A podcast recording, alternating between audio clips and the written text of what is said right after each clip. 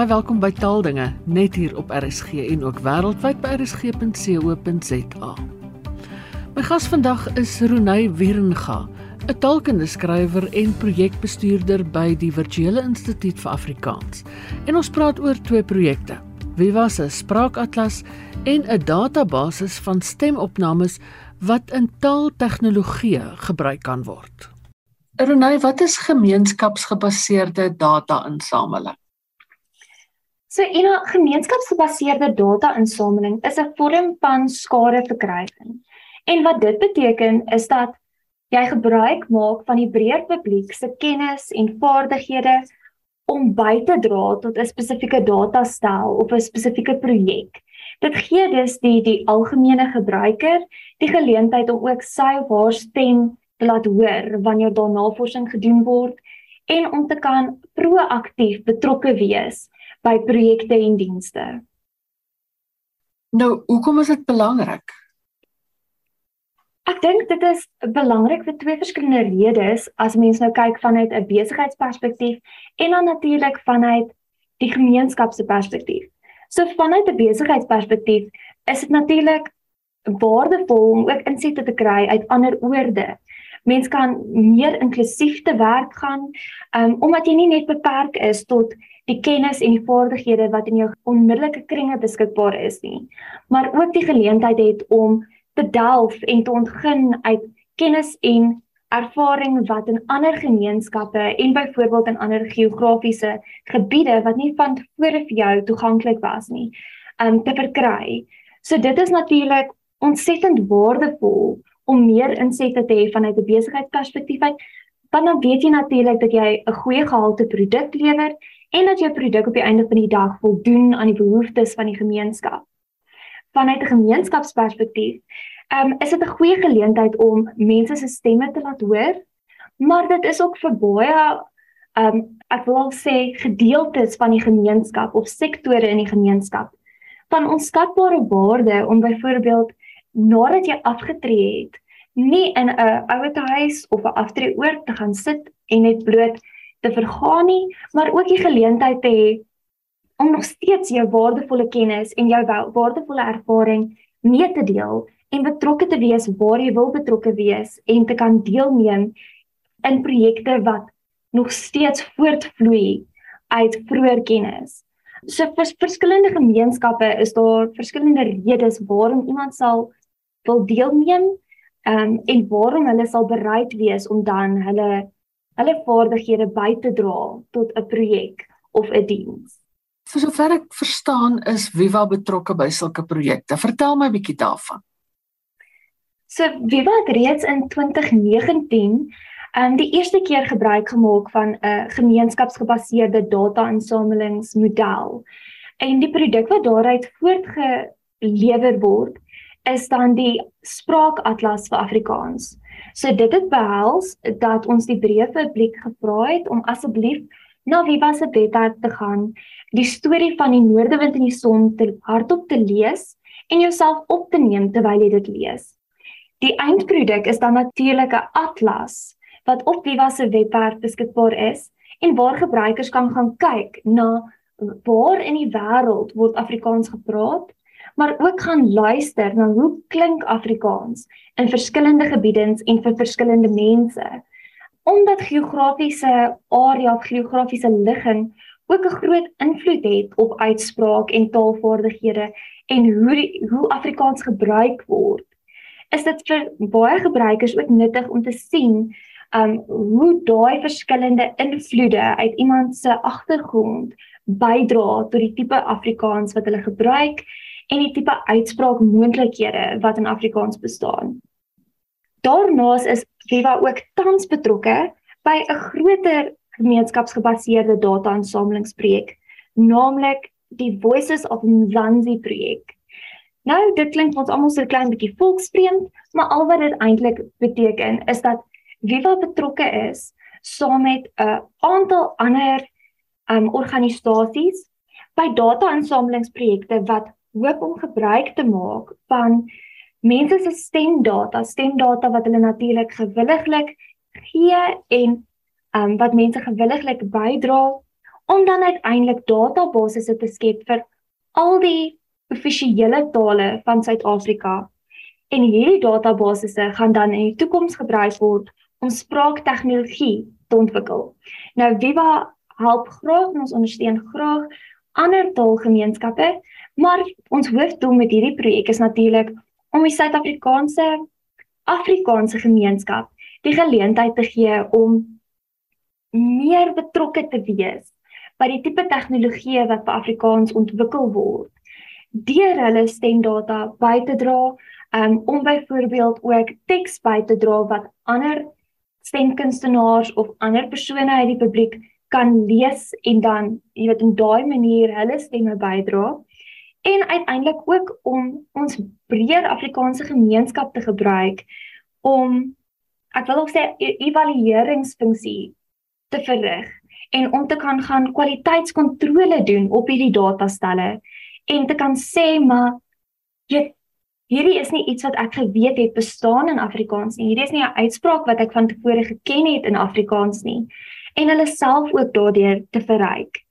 Um en uiteindelik is die voordeel daarvan en die voordeel van hierdie hele projek dat daar 'n groter verskeidenheid um en 'n groter inklusiwiteit in Afrikaans bewerkstellig word in hierdie datastel wat dan tot gevolg het dat die stemtegnologie en die spraaktegnologie wat daaruit ontwikkel word akkurater is en bruikbaar is vir 'n groter demografie van ons Afrikaanse spraakgemeenskap.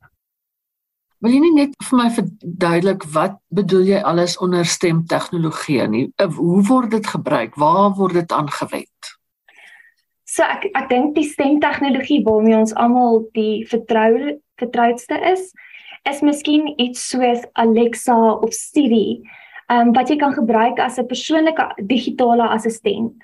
Maar daar is ook ander tegnologieë. Natuurlik is daar um tegnologieë soos um skermlesers wat teks wat op die skerm vertoon, 'n hardop lees in 'n taal maar ook ander tegnologieë wat natuurlik meer kompleks is soos outomatiese dikteerstelsels um wat jou stem kan herken en dan die woorde neerpen op 'n 'n MS Word dokument of op 'n platform wat daarvoor geskep word.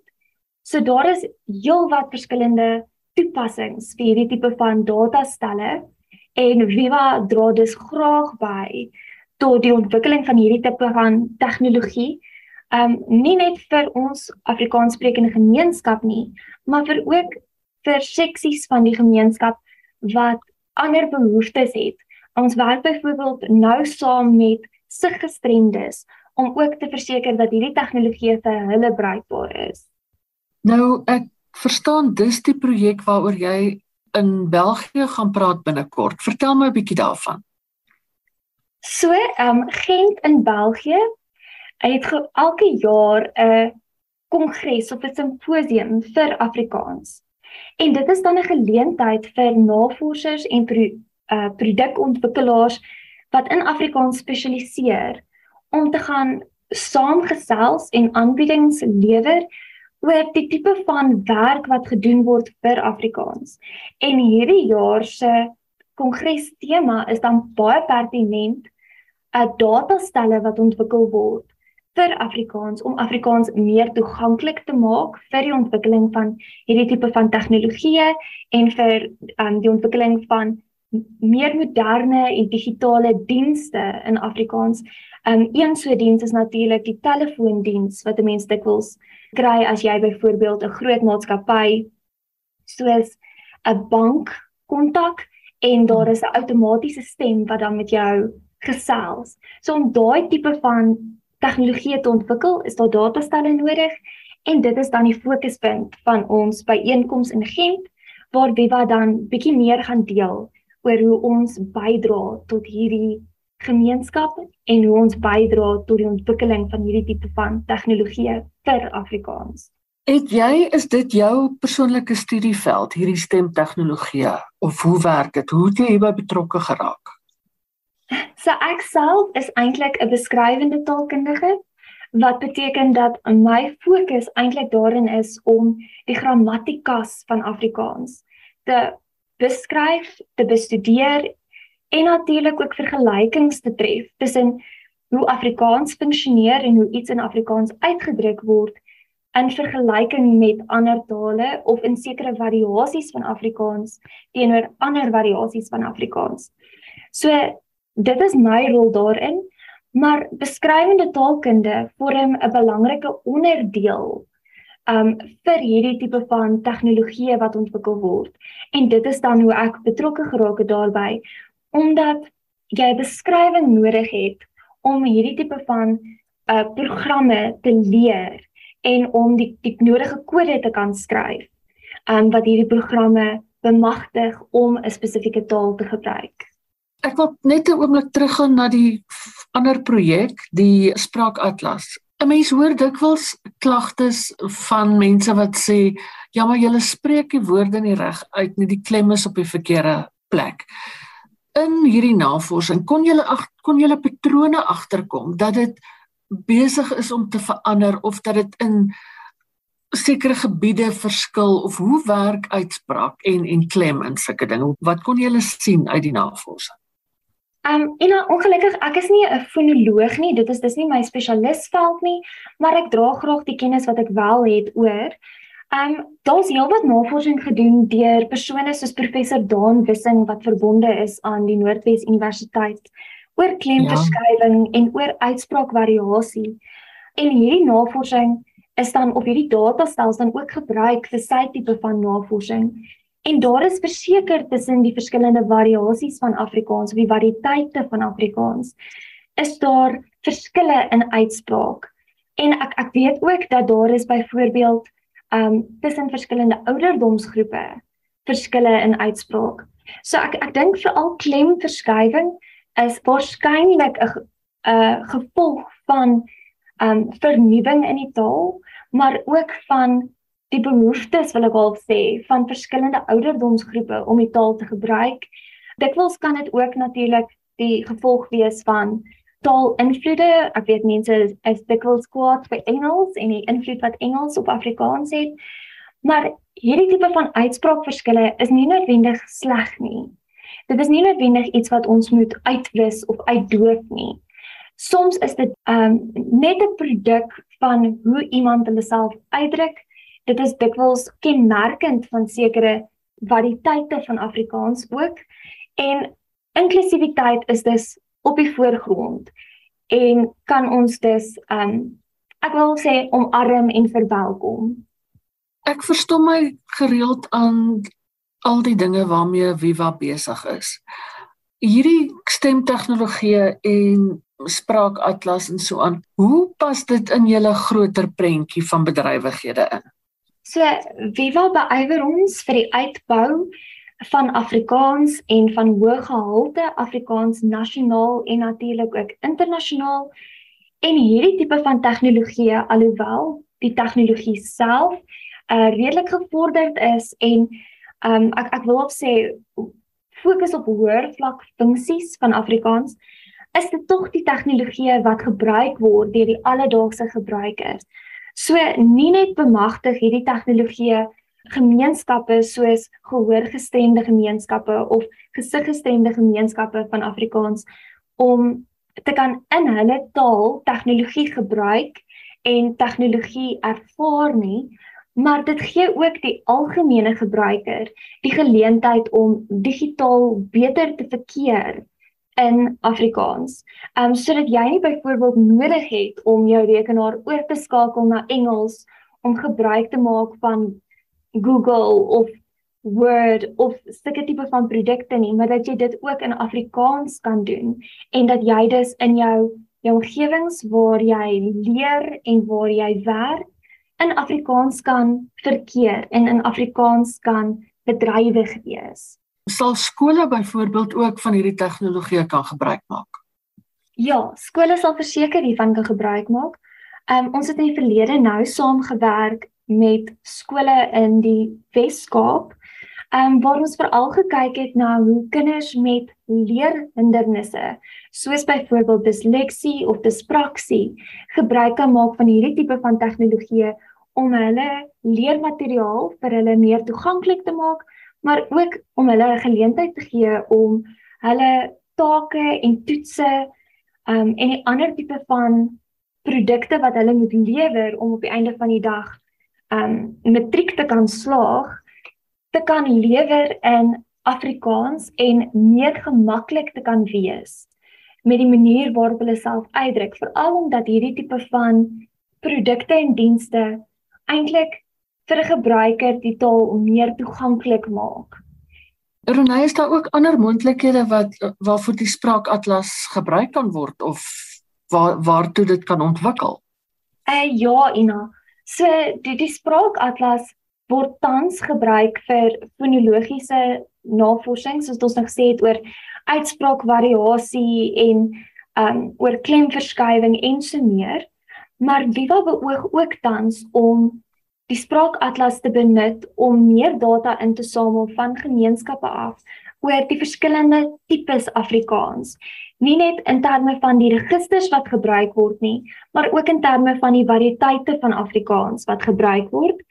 En daai data gaan dan natuurlik gebruik word om ook ondersteuningshulpmiddels en ondersteunings ehm um, handleidings en so meer te ontwikkel vir onderwysers wat in die klaskamer gekonfronteer word met verskillende soorte Afrikaans en waar hulle dan met 'n kind moet kom of 'n leerder moet kan um kommunikeer op 'n vlak wat vir hulle toeganklik is. Um want ons vind dat dikwels word veral in die terme van variëteite is dit vir onderwysers moeilik om 'n kind se variëteit te akkommodeer in die klaskamer en dit is moeilik om daai variëteit in ag te neem wanneer jy dan moet standaard Afrikaans of algemene Afrikaans onderrig.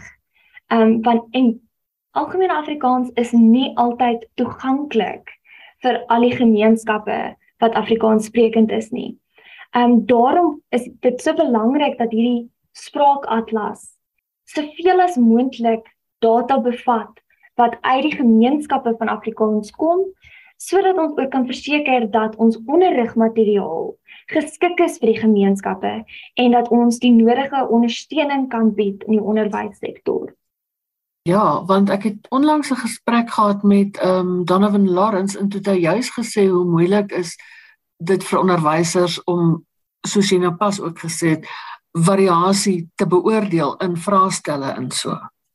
Ja, on, ons werk nogal nou saam met uh, eh, Dr Lawrence en die die behoefte is natuurlik om te verseker dat a ons kinders wel in Afrikaans kan skool gaan en kan eksamens skryf en kan geassesseer word maar ook natuurlik om te verseker dat die slaagsyfer in Afrikaans so hoog as moontlik is sodat ons kinders kan toenemend voel dat daar is 'n toekoms in Afrikaans en dat vir Engelse nie noodwendig hulle voel soos 'n uitkoms wanneer hulle voel dat Afrikaans hulle eintlik nie bemagtig om die werksplek te betree of om um skool te kan slaag nie.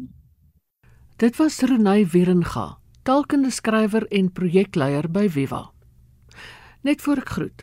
Ek herinner net weer aan die nagraadse beurse van die Suid-Afrikaanse Akademie vir Wetenskap en Kuns. Dit is vir magister en doktorale studie wat in Afrikaans geskryf, ingedien en geëksamineer word. Nou net interessantheidshalwe tussen 2015 en 2022 is 443 beurse reeds toegeken met 'n waarde van sowat 13 miljoen rand. Dis beslis nie te versmaai nie. Die sluitingsdatum is 31 Oktober en al die inligting is op die akademiese webwerf beskikbaar. En daarmee het ons ook aan die einde van vandag se program gekom. Geniet die res van die Sondag in RSG se geselskap. Bly veilig, bly gesond en van my Ina Strydom groete tot 'n volgende keer.